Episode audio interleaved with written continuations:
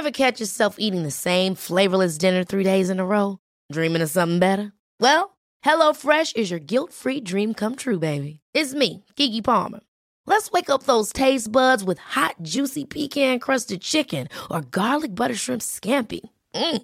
Hello Fresh. Stop dreaming of all the delicious possibilities and dig in at HelloFresh.com. Let's get this dinner party started. A lot can happen in three years, like a chatbot may be your new best friend. But what won't change? Needing health insurance. United Healthcare Tri Term Medical Plans, underwritten by Golden Rule Insurance Company, offer flexible, budget friendly coverage that lasts nearly three years in some states. Learn more at uh1.com. Hey, it's Ryan Reynolds, and I'm here with Keith, co star of my upcoming film, If, only in theaters, May 17th. Do you want to tell people the big news? All right, I'll do it. Sign up now and you'll get unlimited for $15 a month in six months of Paramount Plus Essential Plan on us. Mintmobile.com slash switch. Upfront payment of $45 equivalent to $15 per month. Unlimited over 40 gigabytes per month. Face lower speeds. Videos at 480p. Active Mint customers by 531.24 get six months of Paramount Plus Essential Plan. Auto renews after six months. Offer ends May 31st, 2024. Separate Paramount Plus registration required. Terms and conditions apply if rated PG. I can discuss some of the psychological aspects of the case. You've got to get a hold of yourself. Now look here, Johnson, I'm going to get to the bottom of this. I can discuss some of the psychological aspects of the case. And you're really crazy, you know that? Oh, yes, I remember that. Is this any concern of yours? Stop, stop, stop it now. I mean it. Ja, hei, det er psykolog Sondre Livre her. Diagnosen er dessverre svært alvorlig. Viser seg at alt du tenker og føler er feil. Du må for all del ikke stole på hjernen din, den lyver. Alt du opplever er filtrert via nevroser fra ubevisste avkroker. Hvis du følger nøye med, er det en liten mulighet for at jeg kan hjelpe deg.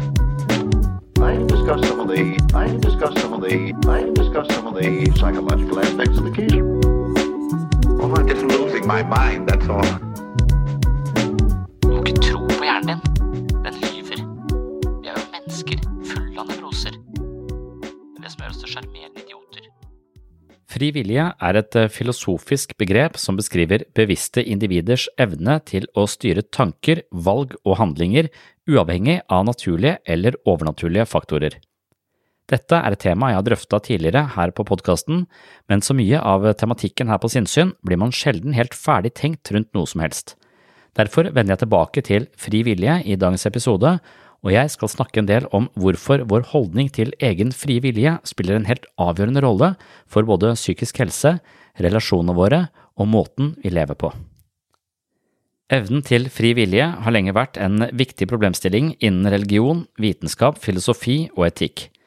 Filosofer som Aristoteles, Immanuel Kant, Jean-Jacques Rousseau og Thomas Hobbes har hatt populære teorier om dette. Disse er likevel bare spekulasjoner og fortrinnsvis basert på tankeeksperimenter og mental gymnastikk. I min bok Psykologens journal, som du for øvrig kan få kjøpt i min bokhandel på webpsykologen.no, skriver jeg et helt kapittel om fri vilje. Nettopp fordi det er et av disse mest sentrale eksistensielle spørsmålene som det er nesten umulig å bli klok på, men likevel en slags filosofisk gåte som kan skjerpe våre mentale evner dersom vi bryner hodet vårt på disse eldgamle dilemmaene. Og som nevnt kan måten vi tenker om fri vilje på, virkelig påvirke alt i livet. Hvis vi endrer vårt syn på fri vilje fordi en eller annen teori om tematikken virker overbevisende, kan det få skjellsettende konsekvenser for livet vårt. Hvorfor det, tenker du kanskje? Er ikke det et ganske ubetydelig spørsmål som kun angår filosofer med autistiske trekk i et bortgjemt hjørne av et av landets universiteter? Jeg vil påstå at det ikke forholder seg slik. Spørsmålet om fri vilje og hvordan vi svarer på det, er virkelig av betydning for alt mellom himmel og jord, og i dagens episode skal jeg snakke om hvorfor. Kort sagt er spørsmålet om vi har eller ikke har fri vilje. Hvis det er sant at hjernen styrer oss fra ubevisste avkroker, og det vi tenker, føler og handler på allerede er avgjort i det øyeblikket vi blir bevisst om denne handlingen, kan man argumentere for at følelsen av å være en aktør bak egne gjerninger er en illusjon. Vi tror vi velger fritt og styrer oss selv, men dypest sett er vi påvirket av en myriade av ulike impulser, ytre faktorer, gamle mønstre og alt mulig annet som vi ikke er klar over. Når hjernen oppfatter hva vi skal gjøre, lager vi i etterkant en rasjonell fortelling som legitimerer akkurat denne handlingen, men forklaringen på hvorfor vi gjør det vi gjør, kommer altså i etterkant og er ikke selve årsaken til at vi handler slik. Dermed kan fri vilje være en illusjon som skapes av et narrativt selv som etterrasjonaliserer de handlingene som allerede er iverksatt fra et dypere nivå i hjernen. Nevropsykologien har avdekket at hjernebarken, som skaper opplevelsene av bevissthet hos enkeltmennesker, mottar informasjon som er sensurert av underbevisstheten. Tanker er for eksempel et resultat av ubevisste fysiske prosesser i hjernen som blir påvirket av en mengde impulser fra omgivelsene og andre forhold som vi ikke kan kontrollere. Mange mener derfor at viljen ikke er fri, og at opplevelsen av selvstendige beslutninger bare er en illusjon. Flere påpeker at vi likevel må leve som om individuell viljesfrihet faktisk eksisterer, i alle fall i enkelttilfeller, og innrette samfunnet etter det. Forestillingen om at tanken kan oppstå uavhengig av indre og ytre påvirkninger, og at mennesker kan bestemme fritt over egne valg og handlinger, fører trolig til en mer ansvarlig og hensynsfull oppførsel. Hvis ikke vi opplever at det er vår vilje og intensjoner som ligger bak handlingene våre, er det lett å fraskrive seg ansvaret for eget liv, havne i en form for apati, meningsløshet og eksistensiell fremmedgjørelse, hvorpå noen filosofer hevder at det fri vilje i virkeligheten er en mental illusjon skapt i vårt eget hode, men at denne illusjonen må vi ha for at samfunnet skal fungere. Hvis ikke vi står ansvarlig for egne handlinger, kan vi verken dømme forbrytere, være misfornøyd med egen innsats eller være stolt av det vi får til. Med andre ord er det mange som mener at det er fullstendig maktpåliggende at mennesker tror at de har en fri vilje.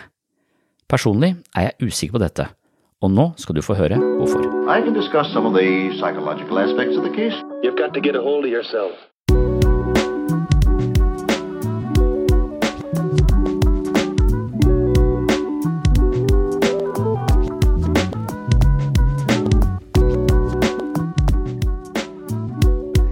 Nå er det fri vilje, da. Det, de fleste som har en sånn hang til grubling, de har en sånn periode med fri vilje-problematikk. Jeg har hatt mange sånne fri vilje-problematikkperioder.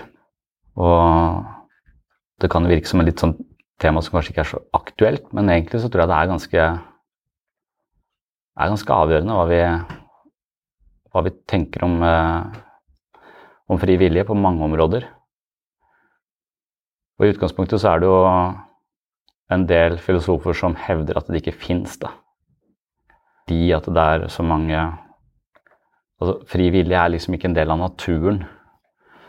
Naturen fungerer på en sånn type årsak-virkning. Alt vi kjenner i naturen, alt som skjer, har en årsak som har en årsak som har en årsak som har en årsak som går tilbake til the big bang. Så hvis vi er en del av naturen, og ikke noe som på en måte transcenderer det naturlige, så vil vi også være underlagt disse årsak- og virkningsforholdene. Og det å bryte det, den årsaken med vår egen eh, frie vilje, det virker ikke som Det er ikke en naturlig del av naturen, i hvert fall. Det, er sånt, eh, det argumentet kommer litt i forlengelse av Darwin og sånn også. Hvor vi, hvor vi har en slags Vi er evolusjonært tilpassa. Vi hele tiden tilpasser oss eh, miljøet rundt oss som en sånn årsak-virkning, stimuli-respons. Og så er det også sånne studier som er gjort på hjernen. ikke sant? At uh, Libé f.eks. er en sånn kjent studie som, hvor du skal velge Hver gang vi gjør små valg, det her er bare å trykke på noen knapper og noen greier, noen fingrebevegelser, så tror vi at vi velger fritt. Så kan vi forklare hvorfor vi valgte det og det. Men så viser det seg, hvis man har sånne svært nøyaktige måleinstrumenter på hjernen, at den aktiviteten, den responsen du gir, den er iverksatt før aktiviteten i den delen av hjernen som forklarer hvorfor du gjør det. Sånn at det, det virker som, Vi har snakket om disse to selvene. Vi har et slags narrativt selv, en sånn eh, språklig selv som forklarer hvorfor vi gjør sånn som vi gjør. Men de opererer litt eh, sånn eh, post hoc. De opererer litt i etterkant. Sånn at vi har allerede på automatikk bestemt hva vi skal gjøre. Men idet vi gjør det, så får vi en forklaring på hvorfor vi gjør det fra disse, denne post hoc-delen av hjernen. Sånn at, vi, sånn at vi da får en fornemmelse av at vi har valgt dette selv, og at dette er vårt verk. Det er jeg som har bestemt dette. Men egentlig så lager vi bare en uh, forklaring og tar eierskap til den handlingen som foregår automatisk i forkant. Derfor så har vi liksom en Det er allerede initiert på et eller annet lavere nivå i hjernen uten at vi er bevisste hva vi kommer til å gjøre. Idet vi gjør det, så får vi en forklaring på det, og så opplever vi at den, den handlingen er min.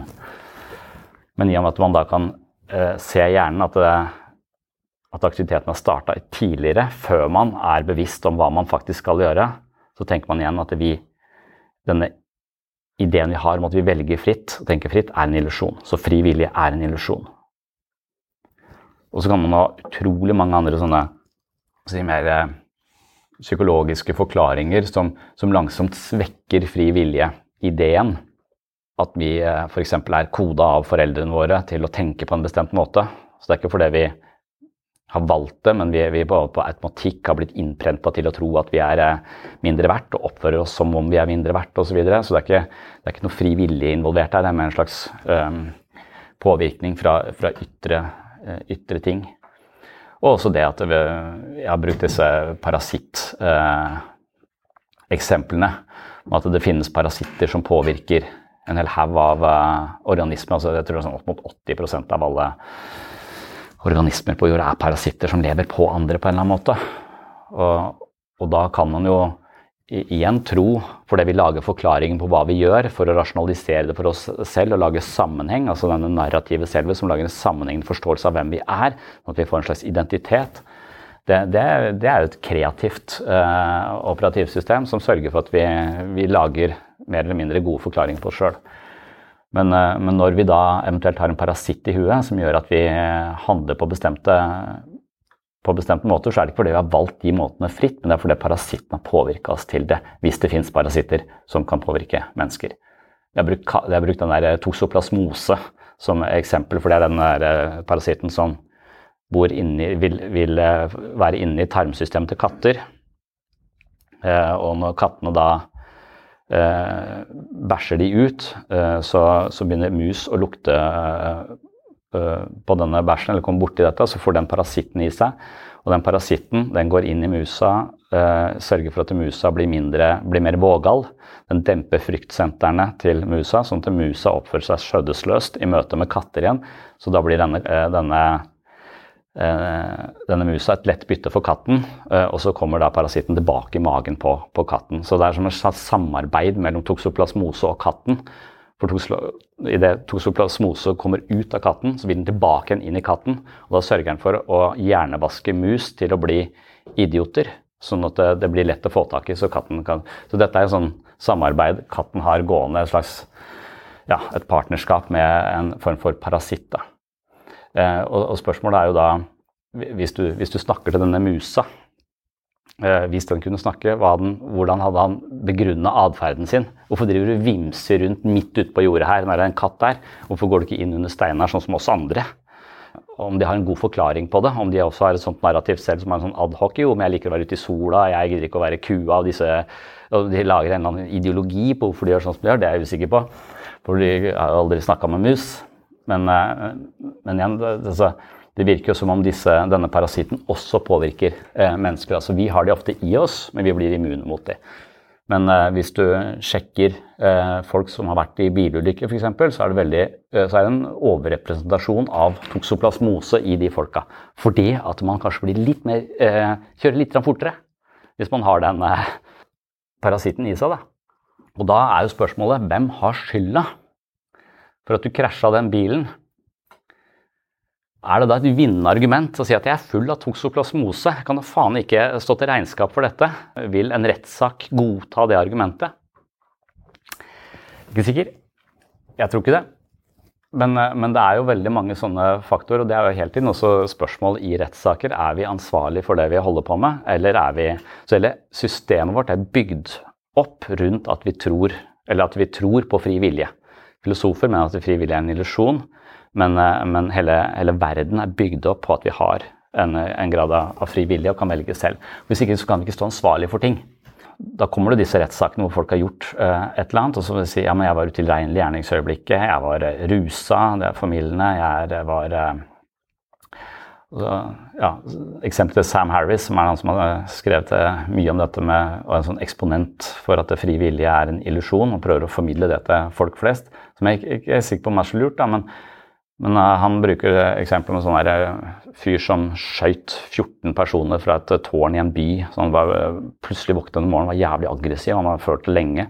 Så dreper han ned hele familien sin, barna sine, kona si, og så går han opp i et tårn midt i byen og så begynner han å skyte rundt vilt ned på, ned på det torvet og dreper masse folk.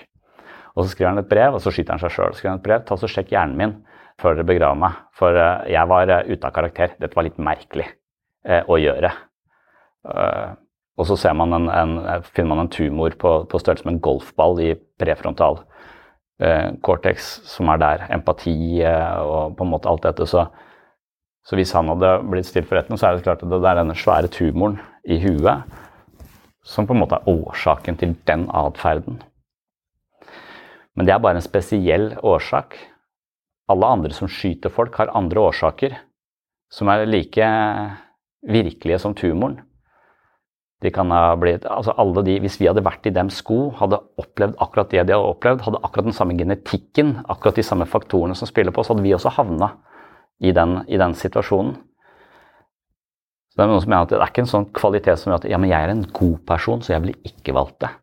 Altså, det er så mange faktorer som påvirker oss, så, så dypest sett så er alt uh, forutbestemt. da. Uh, vil noen hevde i denne. Altså, det er deterministisk. Alt er forutbestemt. Så alt det vi kommer til å gjøre, er allerede uh, hvis man hadde, hvis kjente alle faktorene, så kunne man regna det ut fra the big bang og fram til, uh, fram til nå.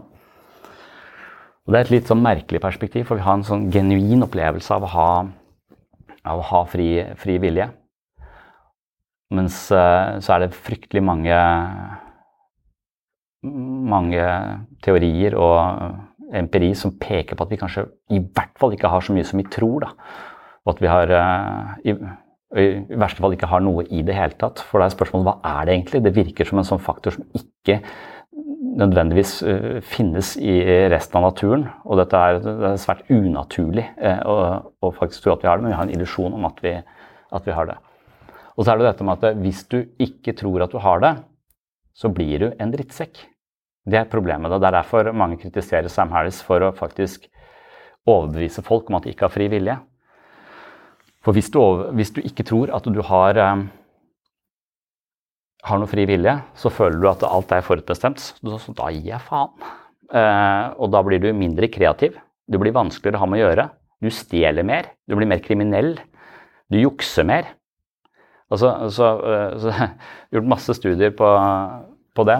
Blant annet denne studien hvor du, hvor du, fikk folk til å lese om Francis Crick. Jeg tror han mener at vi ikke har fri vilje. Um, og så fikk du de til å lese en passasje som argumenterte imot fri vilje. Og så, og så har du en annen gruppe som leser Francis Crick, de også, men de bare leser en annen passasje i boka som ikke handler om fri vilje. Og så skal de ha en test, faktisk en mattetest rett etterpå, hvor det er lett å jukse. Og så ser du om den gruppa som, da ikke, som nå har begynt å tvile på fri vilje, om de jukser mer. Og det gjør de. Dramatisk mye mer. Så, så hvis vi ikke tror vi har noen eh, fri, fri vilje, så tar vi ikke fullt så stort ansvar for livet vårt eh, eh, lenger, og det vil påvirke livsførselen vår på negative måter. Derfor så er fri vilje en løgn vi er nødt til å opprettholde. Fordi at eh, hvis vi alle innser at vi ikke har det, så går det til helvete med hele systemet vårt. For det første så kan vi ikke dømme noen. Vi kan ikke være stolt av noe heller. For det du får til, det er jo bare årsak-virkning. Det har ikke noe med, med, med deg å gjøre. Og religion blir vanskelig. For religion er så tufta på dette her. Så dette er sånn springende punkt når jeg har argumentert med, med kristne. Så de mener at, eh, at fri vilje er, eh, er liksom hovedargumentet for å tro på Gud. At, eh, at, det er noe med mennesker som gjør oss spesielle og annerledes enn andre. Og det handler om at vi har fått denne evnen til å velge fritt, så vi kan velge det gode eller det onde. Og hvis vi kan velge det gode eller det onde, så er vi også ansvarlig for handlingene eh, våre, og da kan vi dømmes på dommedag. Levende og døde. For det, det var opp til, opp til, deg. Det var ikke en golfball i hjernen din som sørga for at du drepte alle de folka. Det var din frie vilje, din ondskap. Så nå du brenne innerst i all evighet.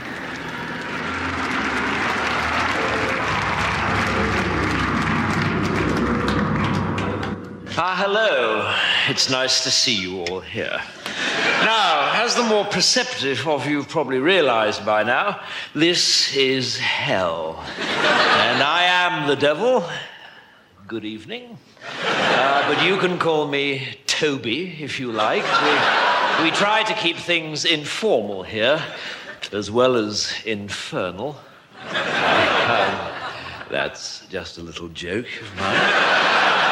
I tell it every time. Now, you're all here for eternity. Ooh.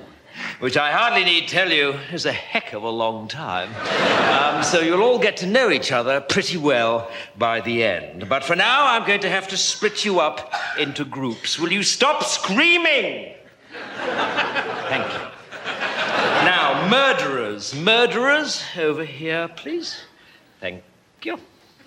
Uh, looters and pillagers over here. Thieves, if you could join them. And lawyers. You're in that lot.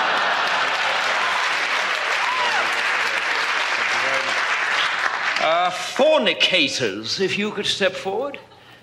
My God, there are a lot of you. Uh, could I split you up into adulterers and the rest? Male adulterers, if you could just form a line in front of that small guillotine in the corner there.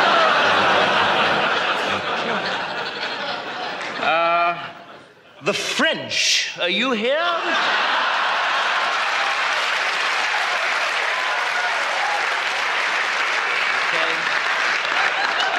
If you'd just like to come down here with the Germans, that'd be lovely. I'm sure you'll have plenty to talk about.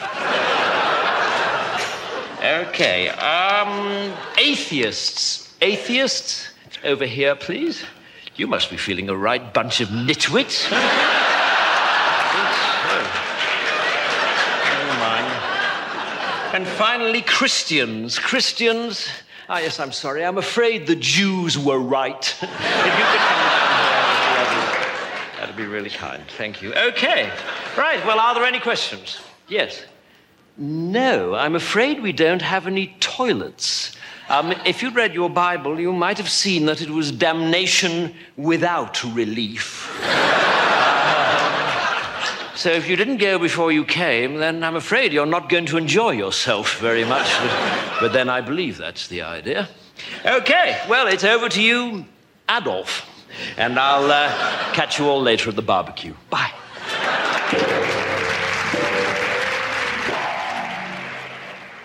Det er en ganske sånn destruktiv idé, da. Om at mennesker er såpass ansvarlige for ting. Samtidig som en destruktiv idé å tenke at vi ikke er ansvarlig i det hele tatt, vi ikke har noen fri vilje. Så det er som om vi må finne en sånn mellomting der. Jeg tenker at det, når det kommer til psykisk helse, da, så, så tror jeg jeg har en tendens til å påstå at folk hele tiden har et valg. Du kan hele tiden jobbe med deg selv. Du kan lære deg nye ting. Du kan få bedre psykisk kondis. Du kan investere mer her. Du kan være mer aktiv. Du kan gjøre så mange ting for å få et, få et bedre liv. Underforstått, du har en fri vilje til å velge de tingene. Underforstått, du er ansvarlig for din egen ulykke eller lykke. Og det perspektivet er litt sånn hardtslående. Det er litt sånn ansvarliggjørende. Og hvis det er sant at vi ikke har noen frivillige, så driver man på en måte og presser frivillige på Altså, jeg tror at det er bedre å tenke om seg selv at veldig mye av det jeg sliter med, det er ikke min skyld. Men det er likevel mitt ansvar å gjøre noe, gjøre noe med det. Prøve å gjøre noe med det. Men og det er veldig viktig at vi ser de, de, de forskjellene. For hvis vi tenker at ja, men det, det er genene mine, det er oppveksten min, jeg kan ikke gjøre noe med det, ting er forutbestemt, så er det sannsynlig at du ikke tar de grepene som skal til for å komme i en eller annen, annen retning. Så, så jeg, jeg, tror det kan hjelpe oss, det hjelper meg å tenke på at mennesker ikke har fri vilje for å være mer tålmodig med det. Når det gjelder barn. Jeg tenker at barn ikke har prefrontal cortex, derfor er løse kanoner helt uberegnelige. Istedenfor å kjefte på at de ikke får til eh, det jeg forventer at de får til, f.eks. komme seg ut døra, som er stein umulig for oss. Det tar faen meg halvannen time å komme seg fra stua og ut. Eh, så ja, det er, det er, helt utrolig at, at, det å gå ut av huset skal være så, uh, så vanskelig. Uh, og det, da er det lett å men, men, så lenge du da uh, tenker at det, det, er fordi du er en liten drittunge som ikke gidder å høre og opponere mot meg, og du er slem, så kan man tenke at ja, men du er jo et lite barn uten prefrontal cortex som ikke har noen eksekutivfunksjoner til å iverksette den operasjonen herfra ut dit. Så jeg må bære det. Eller jeg, jeg må hjelpe deg. Så, så, det blir mye mindre klandrende å tenke på vedkommende uten at dette er en opposisjon. Du er ond mot meg, du vil meg, du vil forsinke meg, du vil sørge for at jeg ikke kommer meg, uh, meg tidsnok på jobb. Hvis du tenker sånn om det, så blir du veldig dømmende. Uh, og du blir veldig kritisk og lite tålmodig. Så Da hjelper det meg å tenke at ja, han har ikke noe sånn fri vilje, det er ikke hans skyld at han, at han, gjør dette. Og da, da, er det mye lettere, og, så da, da hjelper det perspektivet ganske, ganske, mye. Samtidig som jeg tror at man langsomt også må installere den ideen om at ja, men dette er opp til deg. Jeg må snakke til den delen av prefrontal cortex som ikke er der ennå, men idet jeg snakker til den, så formes den. Den, den, er I min kommunikasjon med den så kan det være at den langsomt utvikler seg sånn. Så Istedenfor å bruke halvannen time på å komme selv, så kanskje bruke én time. Så, så det er dette, dette skal vi dømme oss selv for at vi ikke har fått til det vi hadde ønska, eller sliter med angst, eller hva det skal være? Eller skal vi tenke at det, er tusen faktorer i mitt liv som lå utenfor min kontroll, som til sammen har ført meg hit?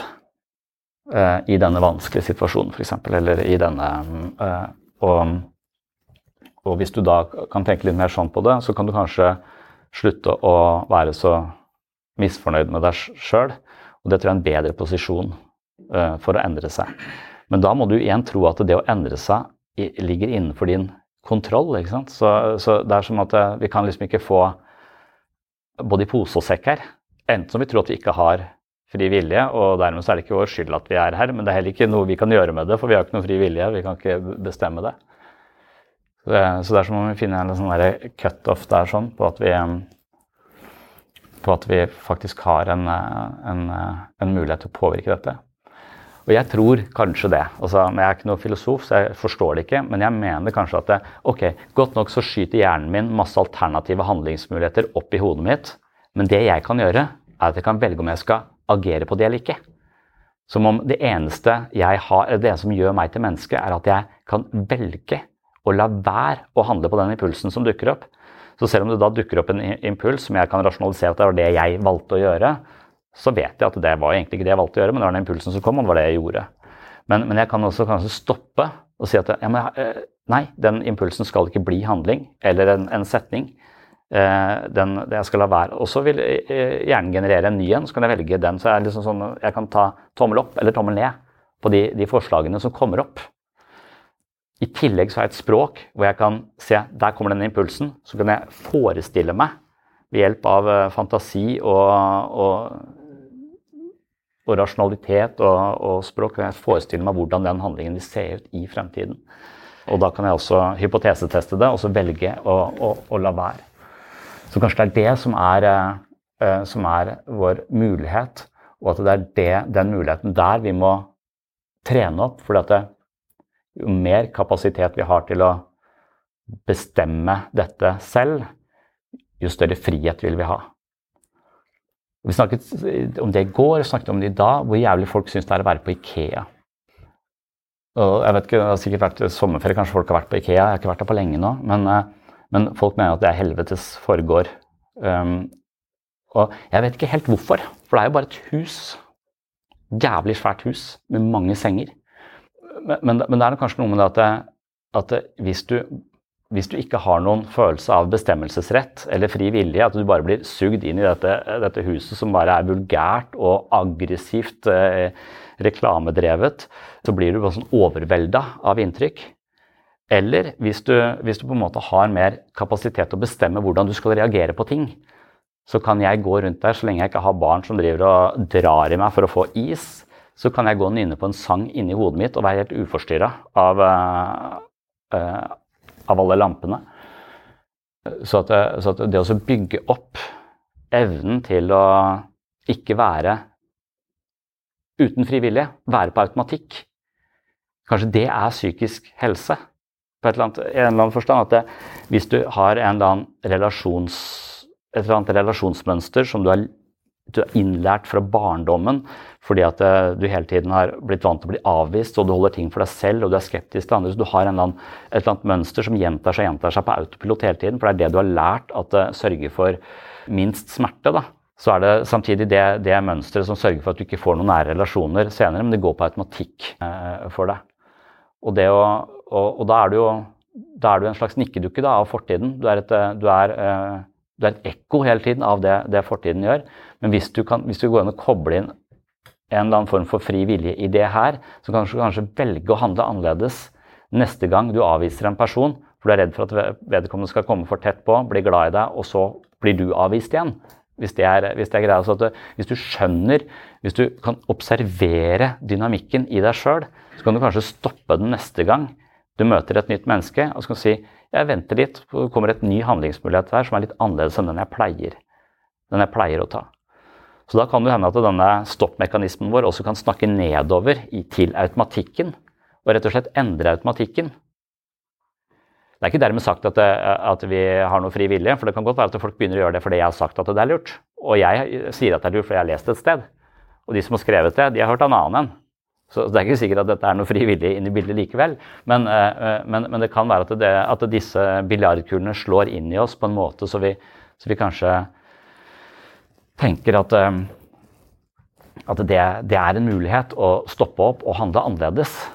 Om ikke annet enn på bare faen, liksom. For nå har jeg gjort det samme hele tida, og det har ikke ført noe særlig eh, bra, bra med seg.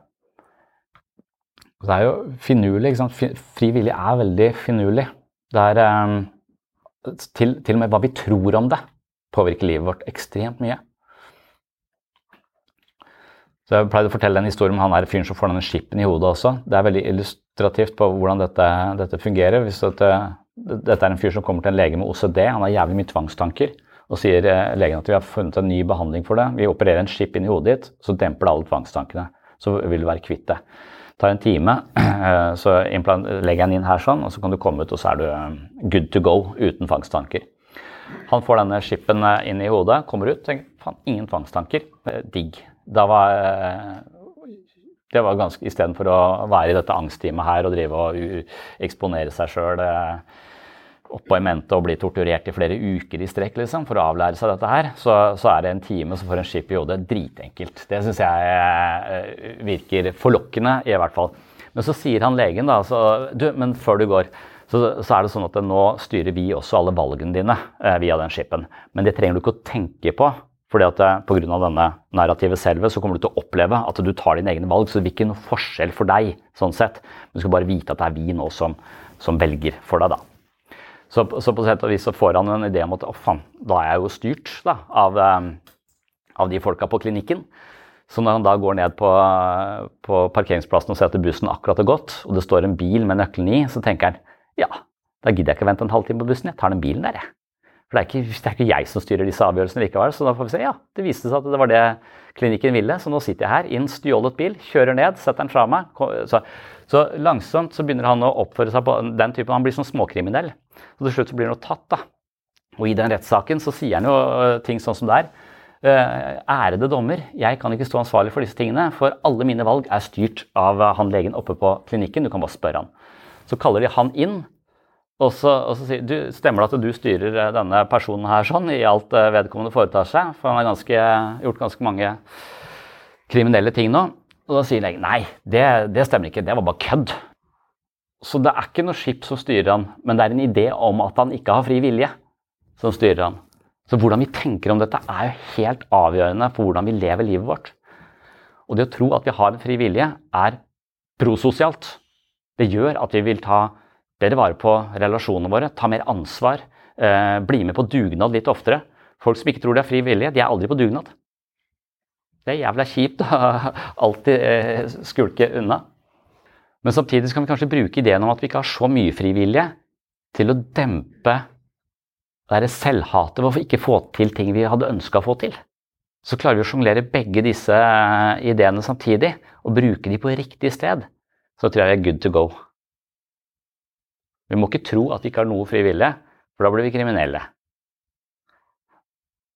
Men vi må ikke tro at vi står ansvarlig for alt faenskap som skjer med oss heller. For vi er jo skrudd sammen av tusenvis av faktorer som her ligger utenfor vår kontroll.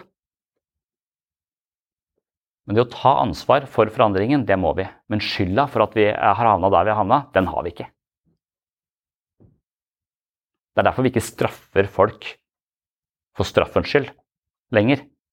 Vi straffer jo folk for det første for å ta de ut fra samfunnet, så de ikke gjentar de skadelige handlingene. Og så prøver man å rehabilitere de. Man tenker ikke at du har gjort noe galt, derfor skal du lide. Jeg tenker litt sånn innimellom. Jeg, jeg håper at Breivik lider. Uh, for, jeg, for jeg er et menneske med hevntanker.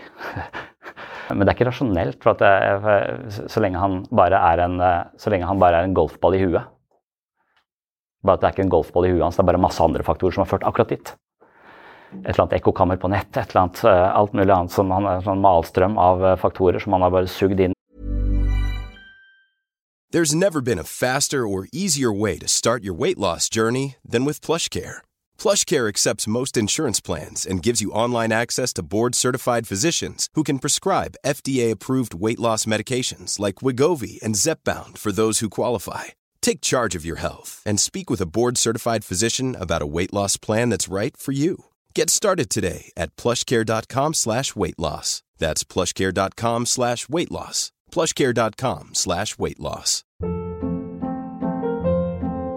Hold up. What was that? Boring. No flavor. That was as bad as those leftovers you ate all week. Kiki Palmer here, and it's time to say hello to something fresh and guilt-free. Hello Fresh. Jazz up dinner with pecan-crusted chicken or garlic butter shrimp scampi. Now that's music to my mouth. Hello Fresh. Let's get this dinner party started. Discover all the delicious possibilities at hellofresh.com.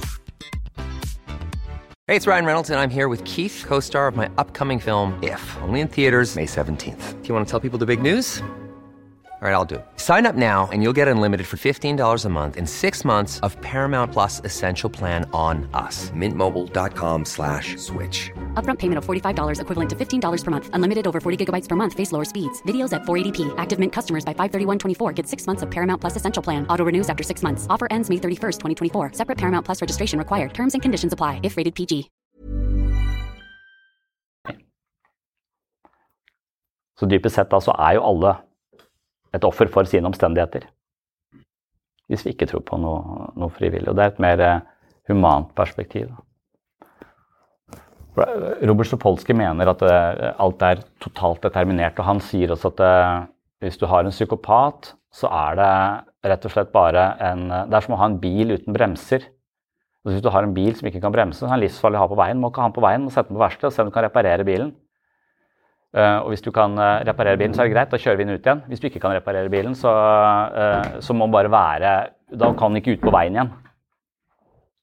Så enkelt, enkelt, er det. Og vi tenker jo ikke at det er den slemme bilen som ikke har bremser. Og sånn tenker han om psykopater.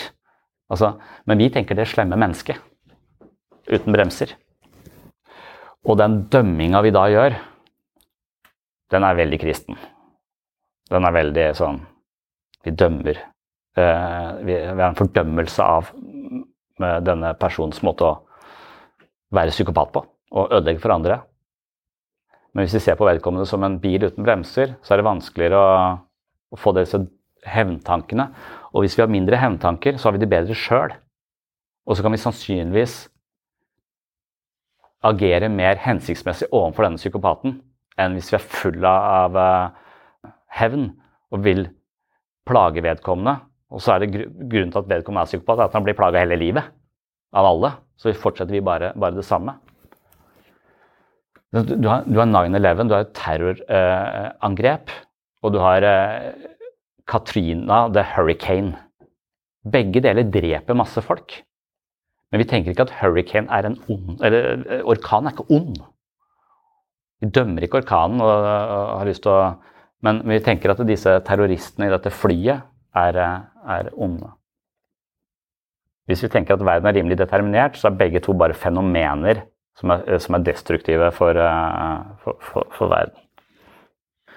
Men for å opprettholde litt lov og orden, så må vi dømme mennesker som gjør uh, ting. Og vi må tenke at de har en fri at de kunne valgt annerledes.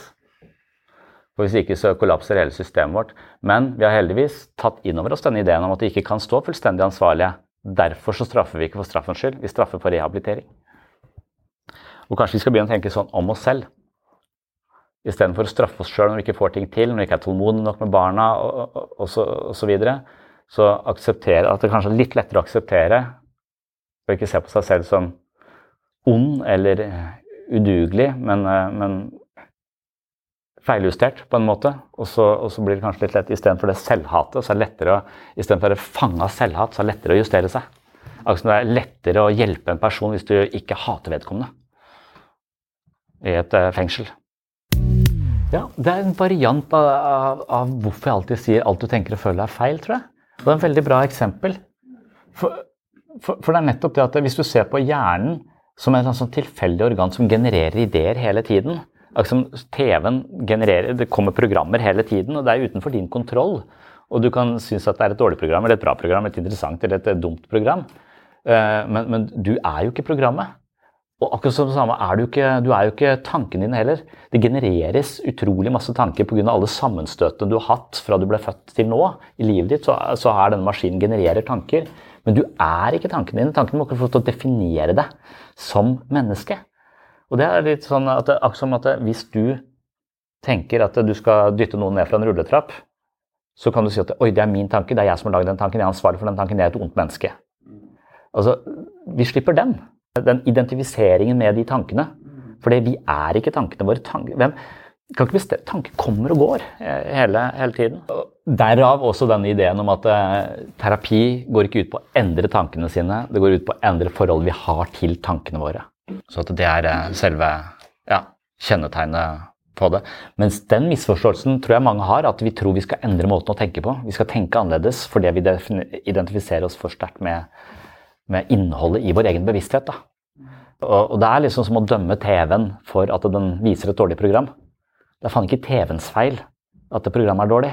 Altså, og, og, og, sånn bør vi kanskje ha det om, om, våre egne destruktive tanker også, som kan, kan dukke opp.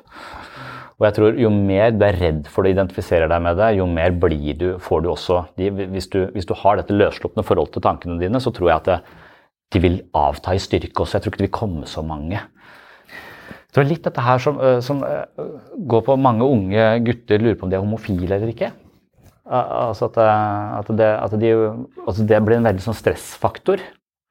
Så Jeg har aldri helt skjønt det. for jeg, jeg, Det kommer impulser, følelser og handlinger, og så, så, kommer det, og så endrer de seg jo. Så jeg kan liksom ikke slå fast noe sånn absolutt bestemt. Altså, eh, det er litt sånn Været det endrer seg hele tiden. altså det og det å tro at hvis jeg har en homofil impuls eller tanke, at jeg da er eh, homofil og må identifisere meg som det og legge om hele livet mitt Det er ikke sikkert. Eh, kanskje det var akkurat i klokka halv fire på en ettermiddag eh, etter et eller annet. Eller eh, etter å ha sett Farmen med han derre svære Lasse-fyren.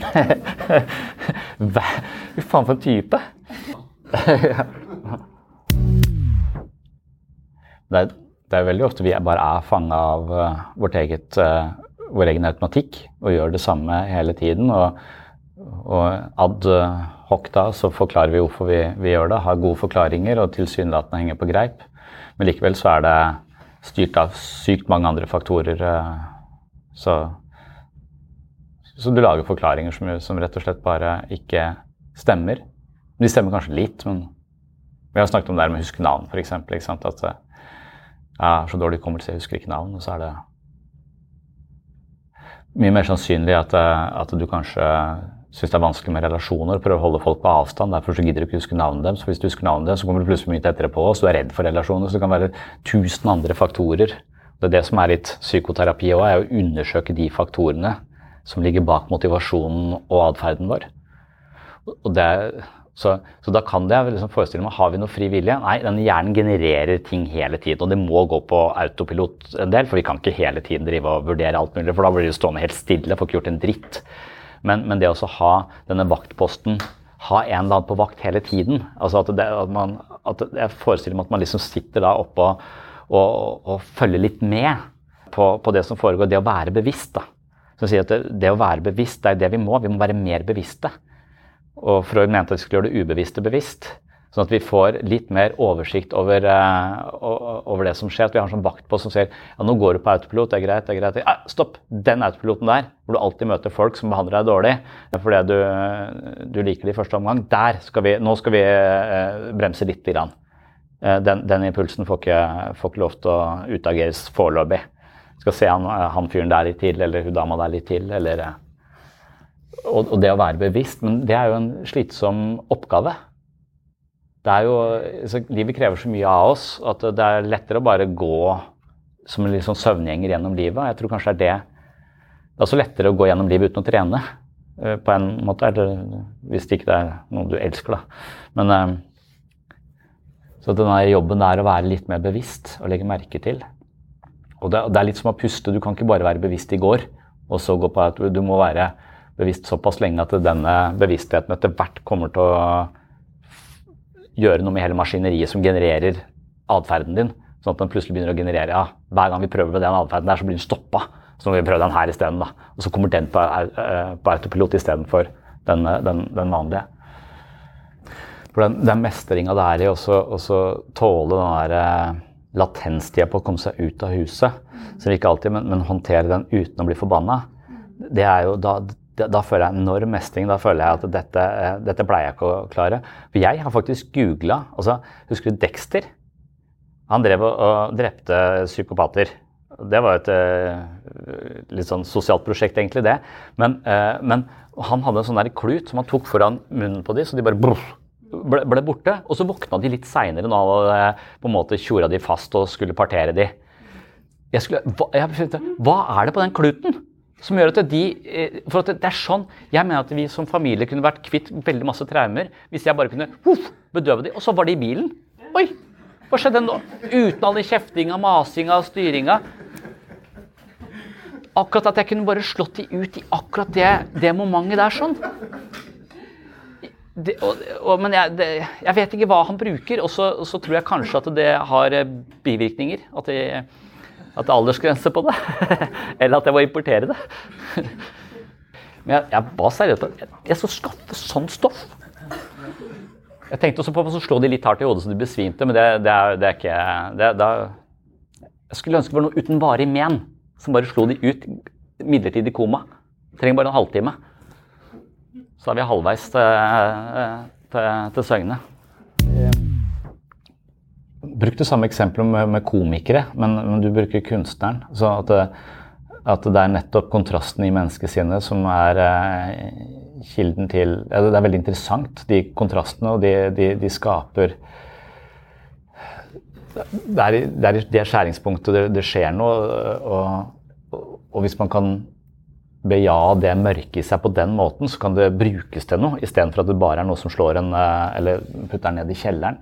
Men jeg har bare brukt komikere som eksempel, fordi folk er redd for å drite seg ut eller ikke være gode nok osv. Mens, mens for meg så virker det som om komikere hver gang de går på en smell, bruker det som materiale.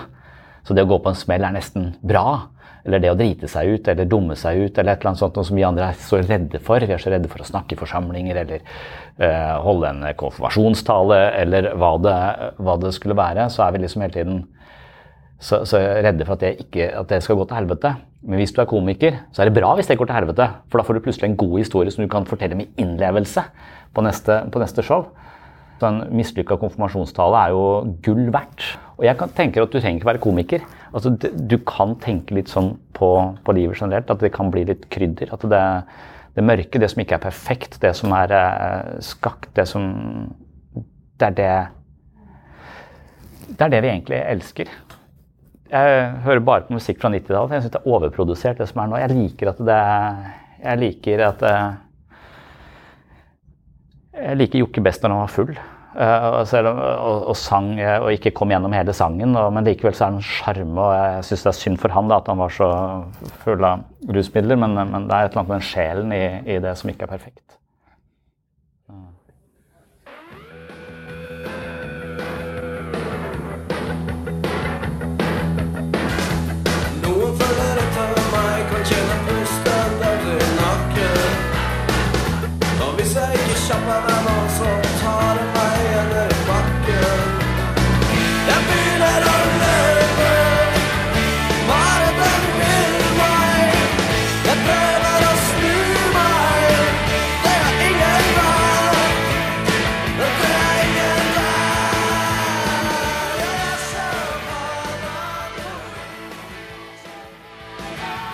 Det er det med disse to hjernehalvdelene som vi har snakket om også. At, at du Altså hvis høyre, høyre hjernehalvdel er mer intuitiv, kreativ, spontan uh, og emosjonell, sånn at, sånn at der, der, dukker det opp ting som er språkløse, men så vil uh, venstre side raskt plukke det opp og, og ikle det en slags logikk eller uh, forståelsesramme som det har tilgjengelig. Sånn at du vil alltid prøve å fange fange følelsen som kommer fra den ene siden over i den andre siden, og skape en type sammenheng. Så, så det, jeg tror det er der den der post hoc-forklaringen på hvorfor du gjør sånn som du gjør, dukker opp. Uh, sånn at du, du, lager denne forklaringen på hvem, på hvem, du er. Men så kan det også kanskje være en sånn type flyt hvor det ikke er noen Hvor du bare opererer liksom i, flyt, i rett, rett framover, uten å være spesielt bevisst det som foregår. Da tror jeg tiden nesten står stille. Du bare er i uh, bevegelse, og, og, du tenker ikke noe over det. Det er ikke noen dialektikk der, føler jeg. Mens, uh, mens uh, det vi snakker om fri vilje, vil kanskje være denne det oppstår en impuls eller en, noe du ønsker å gjøre, og så stopper denne venstre, mer narrative delen av hjernen deg. Nei, og så, og så sender tilbake en, en, den handlingen har uh, forårsaket det og det før. Så, så, det oppstår en sånn, hele tiden sånn samarbeid mellom impulsen og forståelsen av impulsen, som du da enten tillater eller ikke tillater. Og da er du i refleksjonen. Uh, og, og der, der, der, vokser vi, der blir vi bedre kjent med oss selv. Og potensielt sett kan også endre noe av automatikken. Men hvis automatikken er god, så er det deilig å være i automatikk. Uh, og, og, noen kommer aldri i automatikk fordi de bare er i, i, dialog med seg selv hele tiden. I en sånn endeløs samtale om hva som skal og ikke skal og ikke bør. Så det nesten sånn, kan havne i en nesten sånn kataton, schizofren tilstand hvor, hvor jeg jobba på avdelinger hvor liksom folk har stått og, og de kommer ikke inn døra. for de og det er ikke fordi at de har fått en hjerneskade, men det er bare sånn Skal jeg gå inn, skal jeg ikke gå inn? Hva er argumentene for å gå inn? Hva er argumentene for å bli værende? Skal jeg ta en røyk til? Nei. Så, så de, de, de, de, kommer ikke til noen konklusjon. De blir stående i denne loopen mellom uh, impuls, vurdering av impulsen, ny, sender det bare fram og tilbake. Og da har jeg opplevd at hvis du spiller en ball til dem, så tar de plutselig mot ballen, og så spiller den tilbake igjen. Og så akkurat som du fanga de ut av loopen. At da var de da var det kroppen som bare huska hvordan fotball var, for de var fotballspillere. Så, så, bare, så, så var de spontant til stede i livet igjen. da. Så det er kanskje så fri vilje på avveie, at du er så opptatt av å ikke gå på automatikk at ingenting skjer automatisk, så du blir stående helt, eh, helt stuck. Må begynne å tenke over at du skal puste. Må ikke glemme å puste. Å, faen. Jeg hadde nok å tenke på fra før. Skal jeg hente i barnehagen, så skal jeg puste også.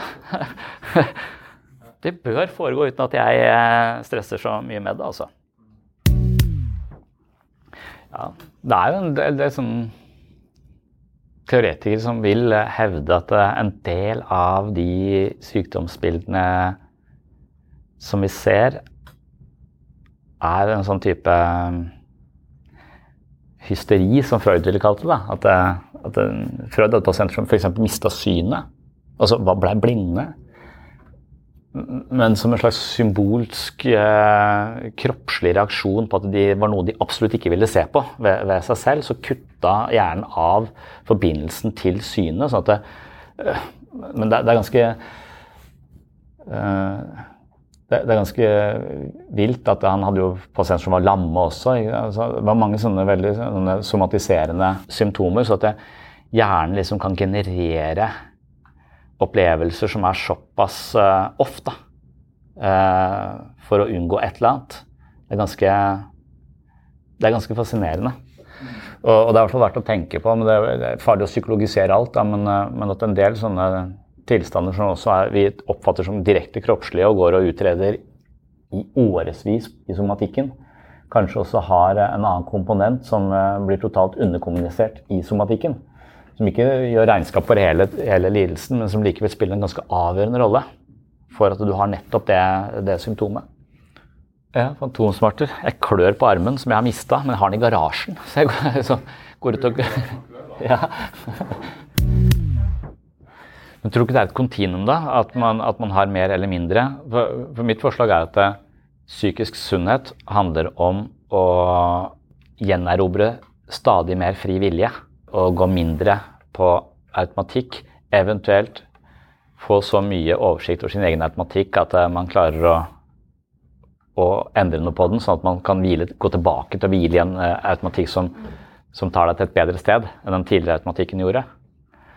Mens, uh, mens hvis du ikke har noen evne til å stoppe det, så er du et offer for dine egne impulser. Og da er du en slags slave av, av ting som ligger utenfor deg selv. Så da spiller du bort alt du eier på en på en enarma banditt på danskebåten, liksom. Og det er ikke fordi du vil bli fattig, og det er ikke fordi du ikke skjønner at det er, eh, det er noen eh, forhold her som gjør at du kommer til å komme tapende ut av dette på lang sikt uansett. Eh, men det er bare at du ikke klarer å stoppe den impulsen. Og at det er lagt inn så mange sånne ting i verden som fanger oss, og bare mat, f.eks. Altså hvordan hjernen aktiveres av sukker. Altså det er 20 ganger raskere enn med kokain. Liksom, sånn, eh, sånn, at det, sånn, at vi har noen sånne eh, folk det er noen insentiver som tjener penger på vår nevrokjemi og vet hvordan den fungerer og kan trigge oss. Sånn at de kan eh, ja, rett og slett fange eh, Styre oss, kontrollere oss. Akkurat som han legen kan kontrollere denne pasienten som har en skip i hodet ved å si gi han en type informasjon som da også vil kontrollere eller påvirke livet hans veldig, veldig mye. Og at det, det er mye av markedsføring går jo ut på å prøve å utnytte de feilkoblingene det er, sånn. Så jeg, jeg, vet ikke om du har brukt et av de eksemplene. Det er liksom sånn jeg tror Robert Cialdini har skrevet en bok om, eh, om, 'How to influence people', eh, eller hvordan manipulere de. Og, og jeg, jeg, husker ikke hva slags fugl det er, men om det er en sånn type gås av noe slag som tar vare på barna uh, sine fordi de, de piper på en spesiell måte. Mens eh, hvis du får en eller plastikkdyr til å pipe på samme måte, så vil du ta like godt vare på det plastikkdyret. Det er kun pipinga som genererer den der morsatferden. Og hvis du til og med setter den pipelyden på en jerv, som er denne gåsas største fiende, så vil den gåsa gå bort og prøve å ta vare på den jerven og bli spist. Og så tenker du faen så dum den, jerve, nei, den gåsa er, på en måte. Men, men, vi er litt på samme måte. Hvis du vet triggerpunktene våre, så kan, så kan de manipuleres på, på mange forskjellige måter. Vi, vi, er redd for å gå glipp av noe. Derfor vil alle reklamer si 'siste sjanse', 'kun få igjen'. Så selv om vi ikke trenger det, hvis det er knapphetsgode, så tror vi likevel at vi trenger å bruke penger på det. Derfor liksom vi går inn i et budrunde. Og hvis vi først har blitt fanga av det, så byr vi over evne på et hus vi egentlig ikke vil ha. Altså, så Det er mange sånne mekanismer i mennesket som man kan trigge, og da frarøver du, du mennesket den uh, den frie viljen. Men hvis du skjønner det selv, at nå er jeg på denne automatikken som lurer meg til å tro at jeg trenger det huset, bare fordi det er flere som vil ha det huset, men egentlig så vil ikke jeg bo der i det hele tatt. Hvis du, hvis du klarer å være bevisst din egen automatikk, så har, du, så har du fått litt mer fri vilje. Så, poenget med tumoren er jo at han ikke visste det. ikke sant? Han visste ikke at han hadde en tumor, men han, han kunne registrere en ganske stor atferdsendring. Han var veldig veldig aggressiv som han ikke pleide å være. Så det var en sånn ut av karakter-opplevelse. Men, men, som da han ikke Som det gikk så langt at han handla, handla på. da. Men hvis han hadde fått, hvis han på et tidlig tidspunkt, før det overtok helt styringa for han, hadde sagt at her er en forandring, kan noen hjelpe meg å forstå den forandringen, så hadde de kanskje forstått den forandringen og sett den tumoren. Og da hadde det kanskje aldri skjedd.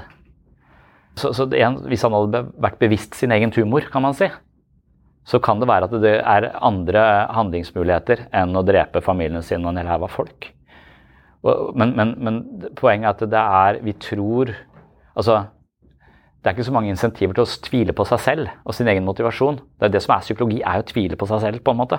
Eller, eller psykoterapi. Undersøke den automatikken som jeg har tenkt at jeg, ja, de er ikke bra for meg. Du har noen fastlåste ideer om hvem du er og hva slags verdi du har osv. Og, så og det er jo ofte en tumor.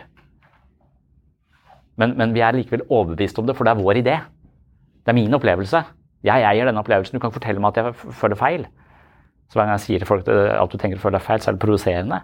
Så, så det, det, blir jo Det blir som Alt er tumor, på en måte. Bare at vi Tumor er litt spesiell, for den, gjelder litt mer bare fordi den er fysisk. Du kan bevise det.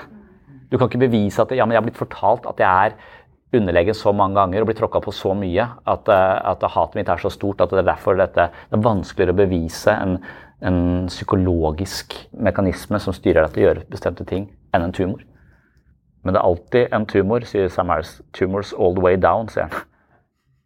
Perhaps we should talk about Charles Whitman here because he really brings home the point. So this is something that is a case I've written about, many people have written about. So, you know, Whitman committed one of the worst mass murders in U.S. history. This was in 1966. And he started by killing his mother and his wife, I think by stabbing each of them in the heart. And then the next morning, he climbed a, a tower at the University of Texas and with a small arsenal, spent about two hours shooting people at random. And he killed, I think it was 14 and wounded something like 32 uh, until he was finally shot by police. So, given those facts, Whitman just appears to be the quintessence of human evil, except he left a suicide note, and or you know what amounted to a suicide note, where he was complaining about his emotional life prior to these events and how he found his behavior totally inexplicable. I mean, he he loved his wife and his mother. He had been flooded by irrational thoughts and violent impulses, and he found he couldn't resist them. And I mean, he had terrible headaches, and he and you know he had other symptoms. And then he he actually recommended that his own brain be autopsied so that doctors could figure out what is wrong with him. And you know, lo and behold, upon his death, his brain was autopsied, and they found a large tumor in his hypothalamus that was pressing on his amygdala. And as you and I both know, this is a, a, certainly a plausible place for a tumor to be pressing to drive this symptomology. So when when that's discovered, this understanding of of a purely neuroanatomical, neurophysiological causal influence becomes exculpatory. He we don't we don't view Whitman as one of the most evil people in human history. We view him as a victim of biology, really. I mean, this is an unlucky person. And if you had a glioblastoma pressing against your amygdala 24 hours a day, who knows what you would be up to? And everyone feels this. And my argument has been for years now that really a, a brain tumor is just a coarse grained example of clear causality. And to understand something like psychopathy perfectly at the level of the brain. Just, you know, if, if we could have a perfectly fine grained account of what's happening at every synapse in the average psychopath's brain, causing him to be a psychopath and not Gandhi, well, then that understanding too would be just like Whitman's brain tumor. It would be exculpatory. We would view psychopaths as unlucky and however they got that way, whether it's the influence of culture or the parents they didn't pick or the genes that got mutated, we would, again, we would warehouse them in prison if we had no cure. But if we had a cure, if there was a, a pill you could give someone that would make them no longer a psychopath, it would be absolutely perverse to withhold that treatment in a vengeful way as that somehow they're just desserts for, for having been a psychopath. You know, it would be like, it would be like not performing neurosurgery on someone with a brain tumor that's making him violent. So you and I are on the same page there with respect to understanding, really removing the logic of hating people and and justifying retributive or the retributive impulse to punish them.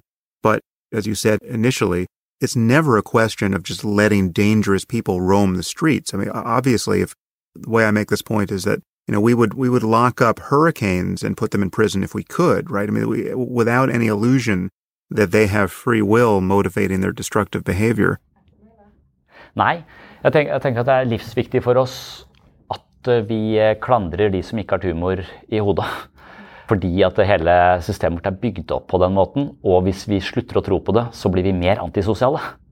Det er det som er den catch 22-greia her. Altså, det er, eh, ja, vi risikerer potensielt sett å jukse mer på prøven hvis, hvis alle går rundt og, og, tenker på den måten. Vi, vi, vi slipper å klandre massemordere for det de gjør, men, men, vi får flere av de. Eller jeg vet ikke. Det, så det er et eller annet sånn altså for, for det, det, at det ikke er en fri vilje, det er en slags informasjon som er en ny kule på biljardbordet. Den kommer inn fra sidelinjen. Så hvis vi er uansett determinerte, så vil vi, hvis vi plutselig i vår ferd støter på den typen informasjon, så vil den bare kjøre oss ut av kurs. For alt, alt som treffer oss, alt av stimuli treffer oss, alle ideer treffer oss. Og hvis vi klarer å bli truffet av en idé som er destruktiv for oss, så vil det Og det, det som skjer med, kanskje med Breivik, da, eller han Manshaus eller et eller annet, de sitter et ekkokammer og blir truffet av en idé som plutselig blir så stor at den får katastrofale konsekvenser. Og psykoterapi eller biblioterapi er jo om å gjøre å treffe folk med ideer som er oppbyggende, eller kan hjelpe dem på en eller annen måte. Så at det kan fungere hvis du når igjennom en 'Å, sånn har jeg ikke tenkt på det før'. Da har jeg mer makt. Da kan jeg endre livet mitt. Da kan jeg få det bedre. Hvis du klarer å skyte en sånn tanke i huet på noen, så kan du håpe at de endrer kurs i en litt bedre retning.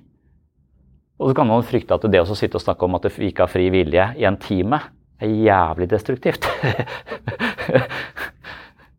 Hvis du ikke klarer å balansere det på en god måte.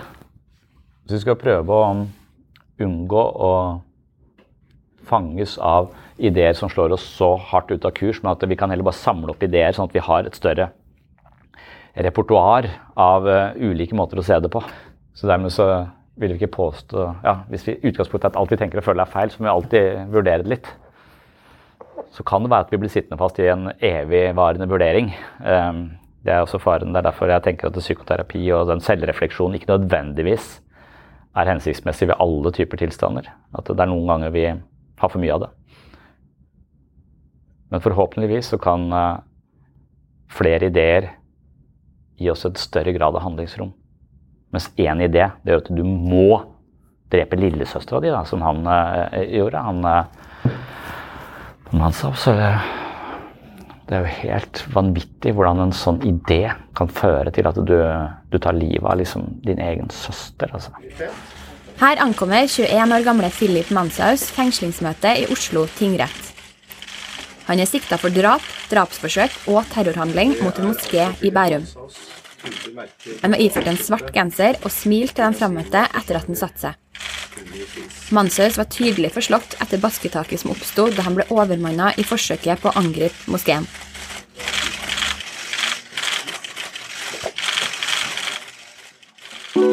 I can discuss some of the psycho psychological aspects of the case. You've got to get a hold of yourself.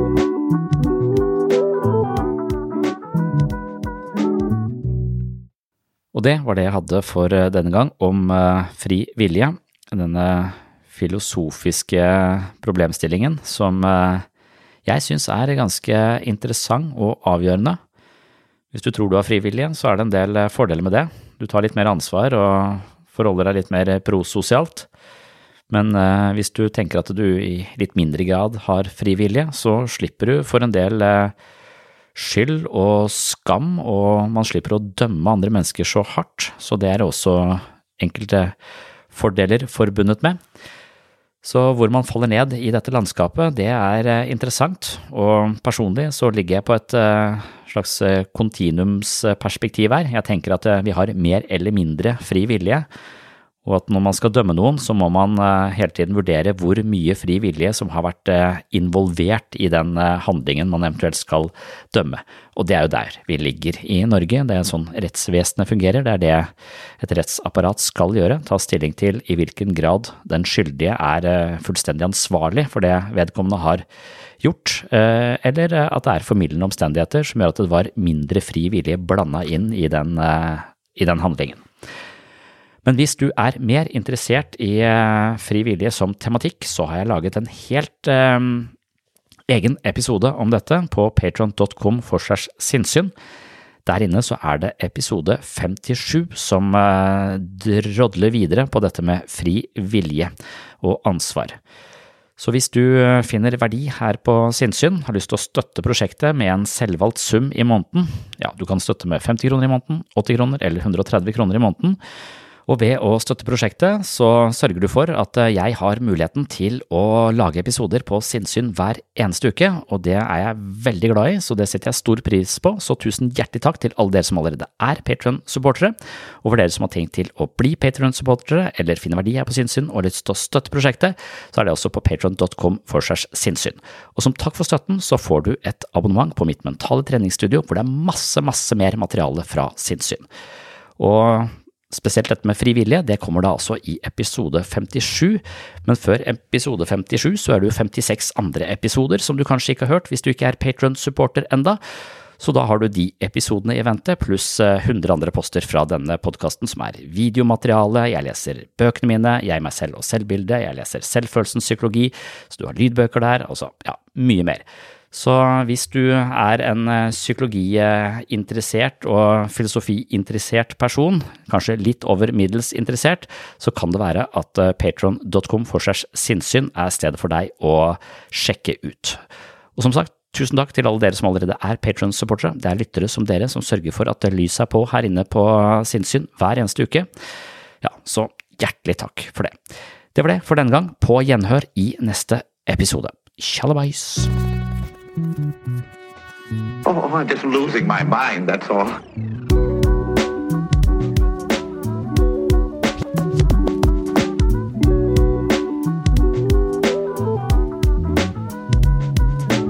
I can discuss some of the I can discuss some of the I can discuss some of the psychological aspects of the case. Psycho, psycho, psychological aspects